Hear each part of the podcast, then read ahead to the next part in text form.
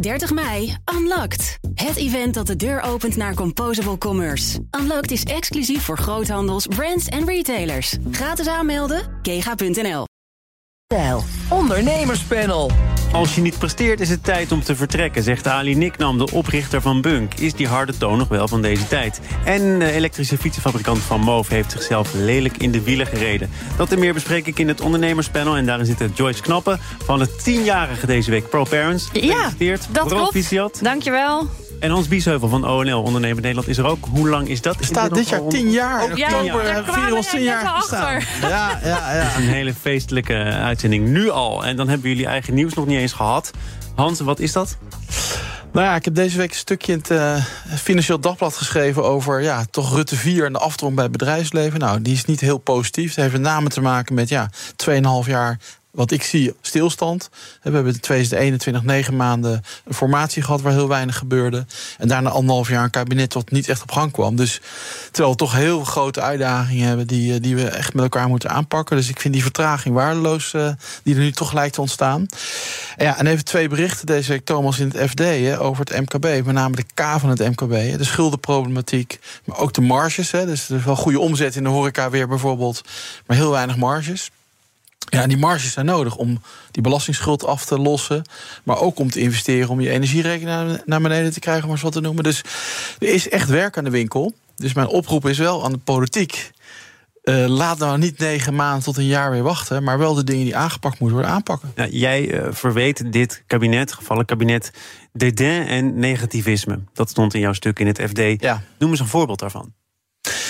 Nou, ik heb, ik heb iets te veel gesprekken gevoerd, Thomas, in Den Haag... waarbij we al gezegd werd, joh, die ondernemers... ja, dat zijn eigenlijk allemaal maar zakkenvullers... en mensen die de verkeerde auto rijden. Is dat nou echt zo? Ja, nee, dat, dat, dat, dat overkomt je echt veel... als je elke dag in Den Haag loopt. En dan zeg ik steeds van, ja, weet je, die mensen zullen er tussen lopen... maar ondernemers zijn toch echt de, degene die uh, het geld moeten verdienen in het land...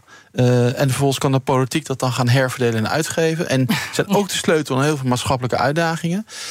Eh, dus dat DD vind ik totaal niet op zijn plaats. Um, en dat overigens niet, wordt niet echt gevoeld bij kleine bedrijven. Ik had niet zo lang geleden een diner met allemaal top-CEO's van Nederland, van echt de grootste bedrijven. En daar, die voelen exact hetzelfde.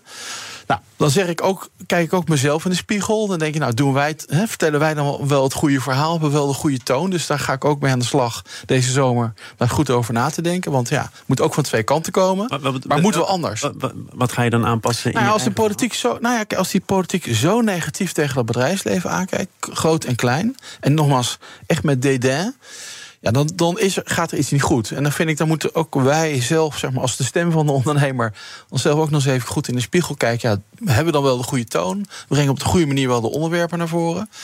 Uh, want ik vind, ik vind het wel zorgelijk, want we hebben elkaar heel hard nodig. Als we stikstofreductie willen doen, als we de landbouw willen hervormen, als we woningen willen bouwen, als we onze kinderen een goede toekomst willen geven, dan moeten we dat samen doen. iets, iets verder terug, hè? andere stemmen die het Nederlandse bedrijfsleven vertegenwoordigen, uh, blikten terug op het 13 jaar premier Rutte, VNO-NCW, MKB Nederland. En zij zeggen: Rutte is een enorme pleitbezorger van het Nederlandse bedrijfsleven. Van de nieuwe pensioenwet tot alle investeringen in de vernieuwing van de economie, noem het groeifonds en de aanpak om bedrijven en burgers door de coronaperiode heen te loodsen. Wij zijn Mark Rutte. Dat ging dus meer om de persoon en de premier Mark Rutte. Zeer erkentelijk daar hoort toch ook dit kabinet nog bij. En misschien wel de vorige ook, hè? zeker weten zelfs. Ja. Ben jij nou overal wat zuiniger in je commentaar? Nou, kijk, je gaat nu over Mark Rutte. Hè? Maar goed, ik kijk naar de politiek breder. Hè? Ik heb vooral ook heel veel met de Tweede Kamer te maken, met die 20 partijen daar. Daar loop ik elke dag rond. Hè? Dus ik wil het niet alleen maar focussen op die ministers of die coalitie. Ik kijk breed.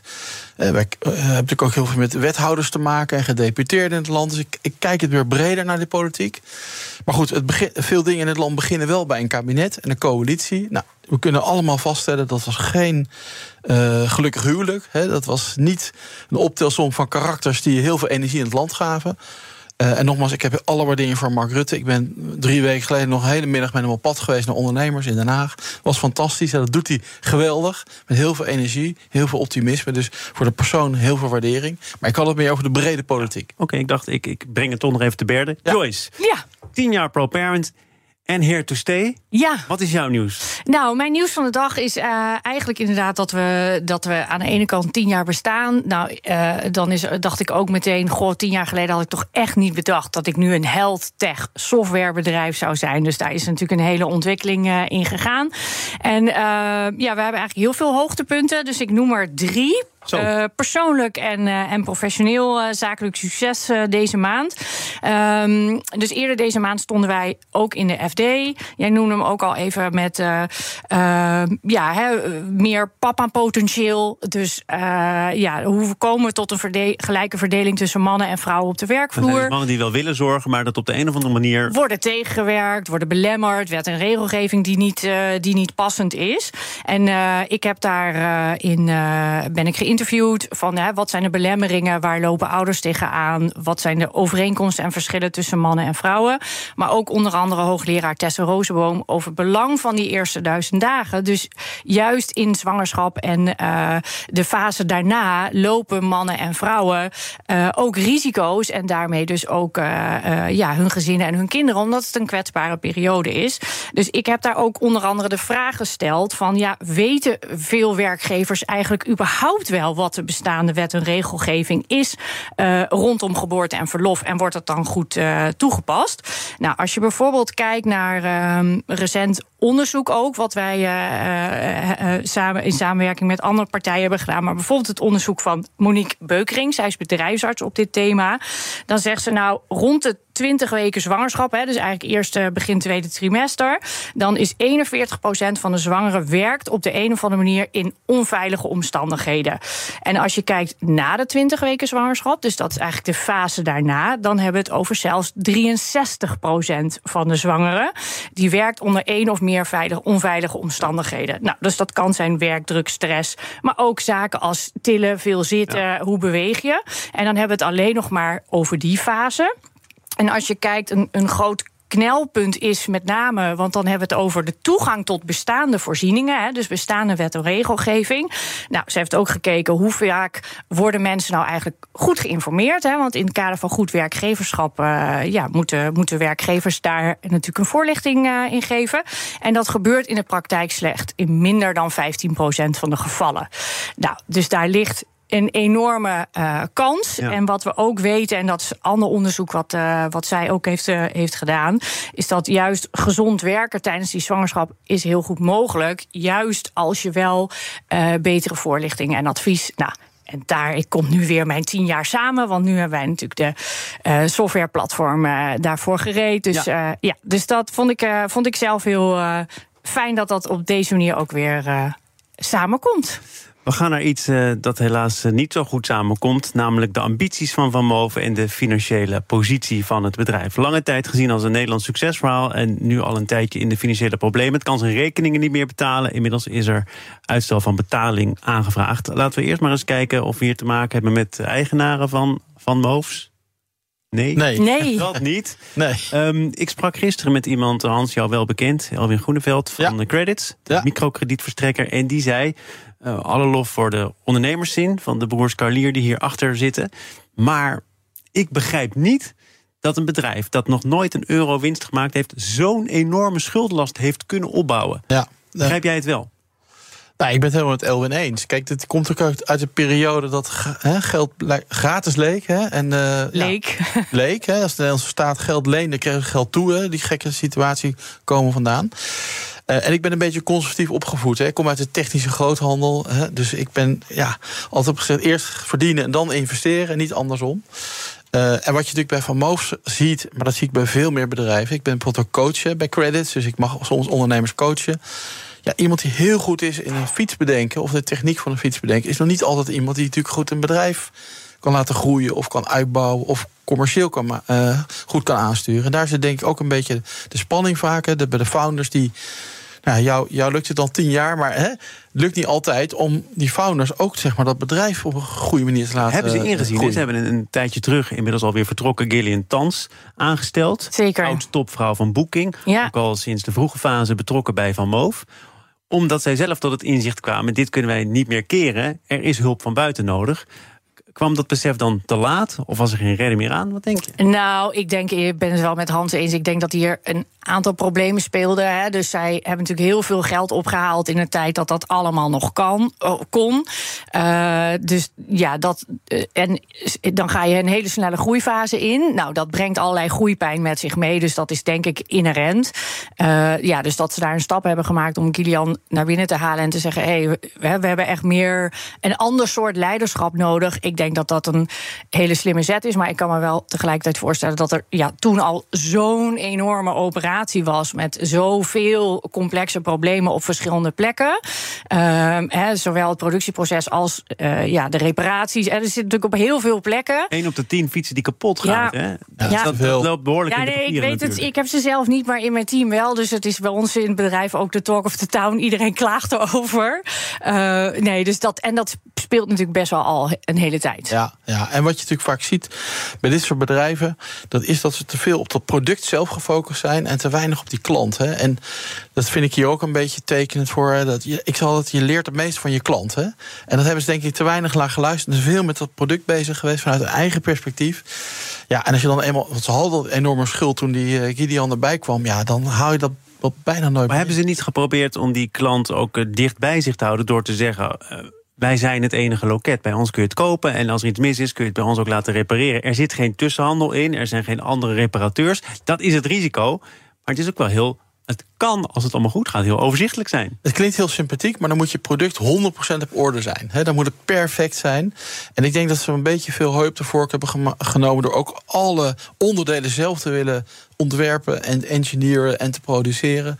Uh, al die eigen reparatielocaties, ja, dan vraag je te veel in korte tijd van zo'n organisatie. Hoe, hoe, vind je dat, uh, ja, dat is een andere kant, dat klanten hierop moeten reageren? Want je zegt het al, binnen mijn bedrijf gaat het er ook over, maar ik begrijp dat er echt al winkels dicht ja. moesten omdat de emoties te hoog opliepen. Uh, voor de veiligheid van het personeel was het beter als de deuren gesloten bleven. nou ja, dat, dat, ja, we kunnen erom lachen, maar het nee, is eigenlijk wel raar. Nee, vreselijk. Ja. Ja, en nu willen al die klanten overigens van hun fiets af. Hè. RTL had opgezocht dat Marktplaats overspoeld wordt met Van Moof en Van Moof's ja. attributen. Maar ja, wat ik wel cool vind. Kijk, ze hebben natuurlijk het elektrische het fiets wel cool cool gemaakt. Hè? Ik bedoel, daarvoor was het, hè, dacht je er echt niet aan uh, nou ja, om zo'n ding te kopen, bij wijze van spreken.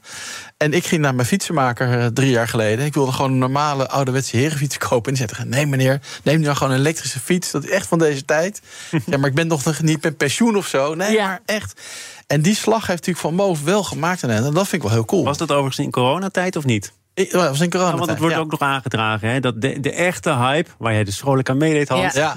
een beetje is gaan liggen. Nog heel eventjes tot slot naar de opties die er nu nog zijn. Ik vroeg het gisteren ook aan Nout Broekhoff van de Autoshow en ook van BNR Mobility. En hij zei dit. Ik denk uh, grofweg twee opties. Uh, de eerste is uh, toch nog een, een, nieuwe investeerder vinden. Hoewel dat de afgelopen weken dus al geprobeerd is, maar dat niet gelukt is. Waardoor uh, surseance van betaling is aangevraagd. in die eerste optie zit ook nog een overname door een andere partij. Nou, het FD meldde gisteravond al dat Van Moof pogingen heeft gedaan om binnen te komen bij PON en Axel. Grote concurrenten, die dat niet zagen zitten. Onder andere vanwege die eerder genoemde gebrekkige kwaliteit. Maar je hebt een sterk merk. Uh, elektrisch fietsen is hip gemaakt door Van Moof. Kan er nog iets gebeuren waardoor een ander bedrijf denkt... of een investeerder denkt, nou, nog één keer dan? Nee, dat, dat denk ik zeker. Hè. Dus uh, gisteren had ik ook in, in het voorgesprek met de redactie over. Als je kijkt naar de problemen die Tesla in het begin had. Hè, er waren uh, wachtrijen tot twee jaar voordat je überhaupt een auto kreeg. De problemen stapelden zich op. Um, en toch bleef de, de schare fans uh, heel groot die, die, daar, hè, die geloofden in die nieuwe technologie. Dus ik denk dat dat ook een magneet en altijd een, een bepaalde aantrekkingskracht heeft en houdt. Um, en dat is natuurlijk wel ook wat zij voor elkaar hebben gekregen. Hè? Dus als je dat bedrijf en veel een deel van de complexiteit eruit haalt en met één goede fiets verder gaat en dat proces weer goed op orde brengt, zie ik wel nog steeds dat daar heel veel ruimte is. Ja, tegelijk kun je natuurlijk vragen: de elektrische auto was een disruptie van een hele sector. Waar we met z'n allen ja. uh, omsnakten. Omdat we gewoon willen vergroenen en minder uitstoot. Ja, dat is natuurlijk wel de vraag. Behalve dat zij echt iets. Hè, elektrisch eh, fietsen hip en mooi en actueel hebben gemaakt. Hè, of ze daarmee ook die relevantie van echt een, ja, een hele nieuwe norm neerzetten in een sector. Ja, dat, dat gaat denk ik, daar moet je. welke toekomstperspectief is Nou ja, ik, kijk, ik, ik heb geleerd in eh, meer dan 30 jaar zaken doen... dat als je dit soort dingen wil redden, dan moet het heel snel gaan. Ja. Hè? Want er gaat nu ook te veel negatieve emotie natuurlijk eh, naartoe. Twee maanden hebben ze nu om, om af te Ja. koelen en weer iets En je eh, moet dan, dan moet je heel grof kunnen snijden in die schulden. Hè? Want met die schuldenlast ga je het nooit redden. Nou ja, eh, je hebt de, de WOA, hè? dat is de wet ho- homologatie onderhands akkoord. Maar goed, dat is wel een wet waarmee je faillissement kan voorkomen... en toch schulden kan saneren. Ik zou ze aanraden, als iemand überhaupt door wil ermee... ga met die WOA aan de slag, saneer die schulden... en maak het in wat jij zegt veel simpeler. Hè? Maak een simpeler bedrijfsmodel met minder modellen, minder complexiteit. Want het merk op zich is natuurlijk wel hartstikke mooi en bekend. Zeker. En ik denk dat er nog steeds een schare fans is die gelooft en bijna hè, op religie af hoopt dat dit goed gaat komen. Dus daar zit echt ook nog een enorme kans in. Maar moet je wel opschieten. Dat moet je wel opschieten. Ja, moeten we zeker. Deel 2 van dit panel. Komt ie aan. BNR Nieuwsradio. Zaken doen. Thomas van Zeil.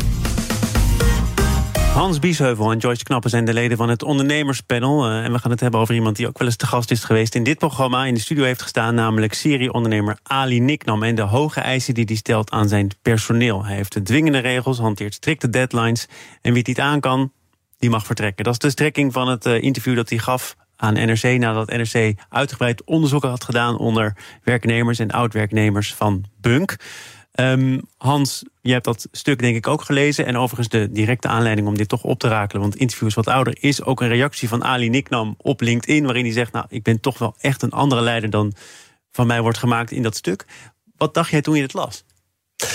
Nou, kijk, ik begrijp zijn, eh, zijn passie. Hè, dat vind ik wel heel mooi. En, en dat je iets anders moet doen dan anderen, dat snap ik ook heel goed. Hè. Het is een soort topsport. Ja, dat kan je alleen doen als je maximaal eh, nou ja, iets doet wat echt vernieuwend is. Tegelijkertijd ja, vind ik de manier waarop hij het zegt... zou ik nooit zo, zo zeggen. Hè. Het spreekt mij niet echt aan.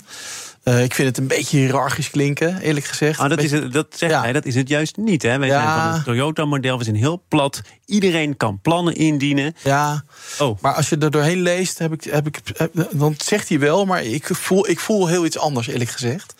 En ja, dus, dat, dus de toon spreekt me niet heel erg aan. Wat ik wel eh, zie, en dat zie ik bij heel veel ondernemers die eh, nou ja, hè, buitengewoon presteren, dat je wel veel van je team mag en moet vragen. En dat je dat ook van jezelf mag vragen. Dat het ook niet lukt als je doet wat de rest ook allemaal doet. Maar het is wel de manier waarop. En, en, en je moet de tijdgeest denk ik wel aanvoelen. En ik denk om nu dat talent aan je te vast te houden... en te binden en die begeistering te geven... dat, dat ja, wat ik daar toch doorheen voel, die hele hiërarchische aanpak... eh, wat hij wel eens, wat hij dan we- wellicht ontkent... Nou, eh, niet, niet, niet echt eh, beklijft. ik, ik weet niet of hij het als hiërarchisch zou betitelen. Wat hij wel heel duidelijk zegt is... als er één ding misgaat binnen bedrijven... dan is het miscommunicatie. En als Ja. dat aan de orde is... dat, dat is een fuck-up voor alles, zijn woorden. Dus werken wij met bepaalde regels. Als je een voorstel in wil dienen bij ons... alle kans van de wereld, ja. zijn tekst... maar dan wel volgens bepaalde stelregels. En als ik dan zie dat daar fouten in gemaakt worden... dan lees ik ook niet verder. En zegt hij, dat zou ik iedere CEO, iedere leidinggevende aanraden... want je hebt alle kans gehad om er naar te laten kijken... door wie dan ook binnen dit bedrijf. Dan komt het op mijn bureau. Dan moet het ook om door een ringetje te halen zijn. Waar of niet? Ja, nou theoretisch hè, zou je zeggen het klinkt goed, maar ik, ik, ik, ik voel er toch iets anders bij eh, hoe hij het vertelt. Kijk, en communicatie, ja, natuurlijk is communicatie belangrijk. Ik bedoel, dat is in elke, elke situatie, dat is thuis, dat is op je werk. Communiceren is heel belangrijk. Maar ik heb een iets andere stijl, eh, eerlijk gezegd, dan, dan hij beschrijft. Gaat er veel mis bij ONL? Nou, we hebben een heel klein team. maar even? Oh. We hebben een heel klein team en een hele strakke afspraken. Maar ik geef iedereen wel de ruimte om zijn, om zijn eigen werk in te delen. En zijn eigen spelregels een beetje te bedenken. Hoe die dan tot, tot hè, de doelen komt die we met elkaar vaststellen. Joyce. Ja, ik denk wat, wat, ehm, wat hier gebeurt en de, waarom hier iedereen zo overheen valt, is dit is natuurlijk een beetje de pijn voor de moderne leider van vandaag. Hè? Inclusief als ik kijk naar mezelf. Eh, de kranten staan er bol van, van ja, hè, allerlei sectoren met allerlei schandalen en grensoverschrijdend gedrag en wat allemaal niet kan. Eh, hè, dus we komen uit een tijd dat we met z'n allen afscheid willen nemen van een bepaalde manier van oud leiderschap. Hè, dus dat, dat wreekt zich. Ehm, ja, en, en ik ben het aan de andere kant ook met jou eens als je zegt: uh, je, je moet als moderne leider, hè, als ik ook kijk naar mezelf, ja, je wilt goed werkgeverschap, hè, je wilt ook tegelijkertijd een bepaalde disciplinering erin. Hè. Je, moet, je, ja, je moet ook eisen kunnen stellen aan je team. Uh, dus ik denk wat je, wat je hier een beetje ziet gebeuren, is we willen met z'n allen, eigenlijk zijn er twee belangrijke benen waar moderne leiders op staan. En dat één is de caring kant. Hè, dus ken je je mensen, hoeveel ruimte geef je, uh, is er ruimte voor eigen initiatief en invulling. En aan de andere kant is daar ook de daring kant om tempo te bepalen, om dingen scherp te houden, om processen uh, strak neer te zetten, eigen verantwoordelijkheid daarop te sturen. Ja, dus dat is een spagaat of een balans die gewoon heel ja, lastig te vinden is. En die waar denk ik iedere uh, leider mee. Maar nog even, nog even, naar, naar Nick Nam zelf, hè, in het ja. stuk van NRC. Dus gewoon het initiële eerste gesprek. Ik wou dat ik eens wat meespraak had hier. Ik heb me toch een stel eigenwijze donders om me heen. Ik hou van tegenspraak, maar wel op de inhoud. Het wordt bij mij nooit persoonlijk. Ja. Dat, dat klinkt niet per se onredelijk, toch? Nee, vind ik, vind ik ook niet onredelijk. Hè? Dus ik vind ook, als ik kijk uh, ja, hoe, hoe ik het zelf doe, of hoe wij het doen. Ik vind dat problemen transparant op tafel moeten komen. Ik vind dat we problemen moeten kunnen onderzoeken. Ik vind dat dat bespreekbaar moet zijn. Dingen die misgaan in de organisatie. Ja, er, er zullen mensen zijn die zeggen: Nou, dat is wel heel direct en rechtstreeks. En hè, daar voel ik me niet altijd comfortabel bij. Dat kan. Hè? Dus, maar inderdaad, het wordt niet persoonlijk. Uh, hè, je moet dat op een bepaalde manier doen. Maar ja, dingen moeten ook niet verdwijnen in de coulissen. In dat ze niet transparant worden en niet besproken moeten, moeten kunnen worden. En dat, ja, dus ik, ik snap al wat, wat hij zegt. Ja, je hebt daar wel ook een bepaalde disciplinering voor nodig. Wat, wat, ik tot slot nog veel wil vragen, is ook aan jou als boegbeeld, Hans. Want jij bent het boegbeeld van ONL. Ja. Je bent een publiek figuur. Um, wat doe je als je eh, medewerker bent, in dit geval van Bunk? Het is je eerste baan. En jouw baas is iemand als Ali Niknam, ook een bekende ondernemer, iemand die 100 uur per week werkt, keihard voor dat project gaat. Ondertussen bezig is met een uitbreiding naar de Verenigde Staten. Ondertussen nog een stichting heeft om vluchtelingen te ondersteunen. Zelf een inspirerend levensverhaal heeft. Uh, en er, detail, ook nog heel veel van zijn eigen geld in heeft, in heeft gestopt. Hoe worden dat gelijkwaardige verhoudingen? ja, dat kan natuurlijk bijna niet. Kijk, ik, ik vind hem heel inspirerend. Hè. Als, als ik puur het ondernemerschap perspectief bekeken. Nou, super inspirerend wat die man gedaan heeft. Super knap wat hij doet. Daar heb ik alleen maar alle respect voor. Het ging nu even over dat ene aspect van ja, hoe spreek je nou uit over oh, de manier waarop je daar nou, zeg maar leiding aan je, aan je team geeft. Nou goed, ik heb een wat andere stijl. Hè. Het is meer, hè, bij ons is het gewoon ja, we doen het met elkaar, punt. En, en nou ja, dan moet je inderdaad, wat jij ook zegt, George, dingen af toe kunnen bespreken en, en ook transparant maken. En dat is niet altijd leuk of comfortabel. nee, zeker niet. Maar hij blijft gewoon de baas en dat is prima. Maar hij blijft de baas. En, en, en, en, ergens moet iemand ook de baas zijn. Iemand moet, ergens heb je eindverantwoordelijkheid nodig. Anders gaat het in de organisatie ook niet. Uh, en jouw verhaal van die twee benen spreekt me wel aan. Hè. Dat is eigenlijk een beetje wat je. Je, je moet invoelend zijn. Hè. Ja. Uh, het, het, je team gevoel geven dat je naar ze luistert. Tegelijkertijd moeten mensen weten waar ze aan toe zijn. Ja. Hè? Maar, dus ik denk dat hij het misschien niet zo slecht bedoelt. Maar hoe hij het zegt, ja daarvan denk ik, ja, dat vind ik niet meer van, helemaal van deze tijd. Nee, dat snap ik ook. en aan de andere kant, uh, ik, zag die discussie inderdaad ook op LinkedIn. En uh, ook uh, Prins Constantijn die daarop reageerde. Hè, vanuit de tech scene. En de hele discussie die, daar, die daarop volgde. Um, ik denk, we, we hè, zeg ik ook even de media en hoe hierover wordt geschreven. moeten ook een beetje ophouden met het verheerlijken van als de start-up tech scene en founders en investeerders alsof het maar een soort war zou, zou zijn, warzone zou zijn. Het is gewoon ondernemen, toch? Het is ondernemen, maar niet niet alles gebeurt altijd op deze stijl. En dit is dan wel de verhalen die natuurlijk heel graag op een bepaalde manier verteld worden in de media. Ik heb jullie nu ook de gelegenheid geboden om daarop te reflecteren. En omdat het belangrijk is dat mensen weten waar ze aan toe zijn. Dat is ongeveer het nieuws van half twee. En daarna de pitches bedank ik jullie. Joyce Knappen van ProParents en Hans Biesheuvel van ONL. Tot een volgende keer. Dit panel is ook te beluisteren als podcast. Abonneer je vooral even via je favoriete kanaal of de BNR-app. Zometeen dus de pitches. 30 mei, Unlocked. Het event dat de deur opent naar Composable Commerce. Unlocked is exclusief voor groothandels, brands en retailers. Gratis aanmelden, kega.nl.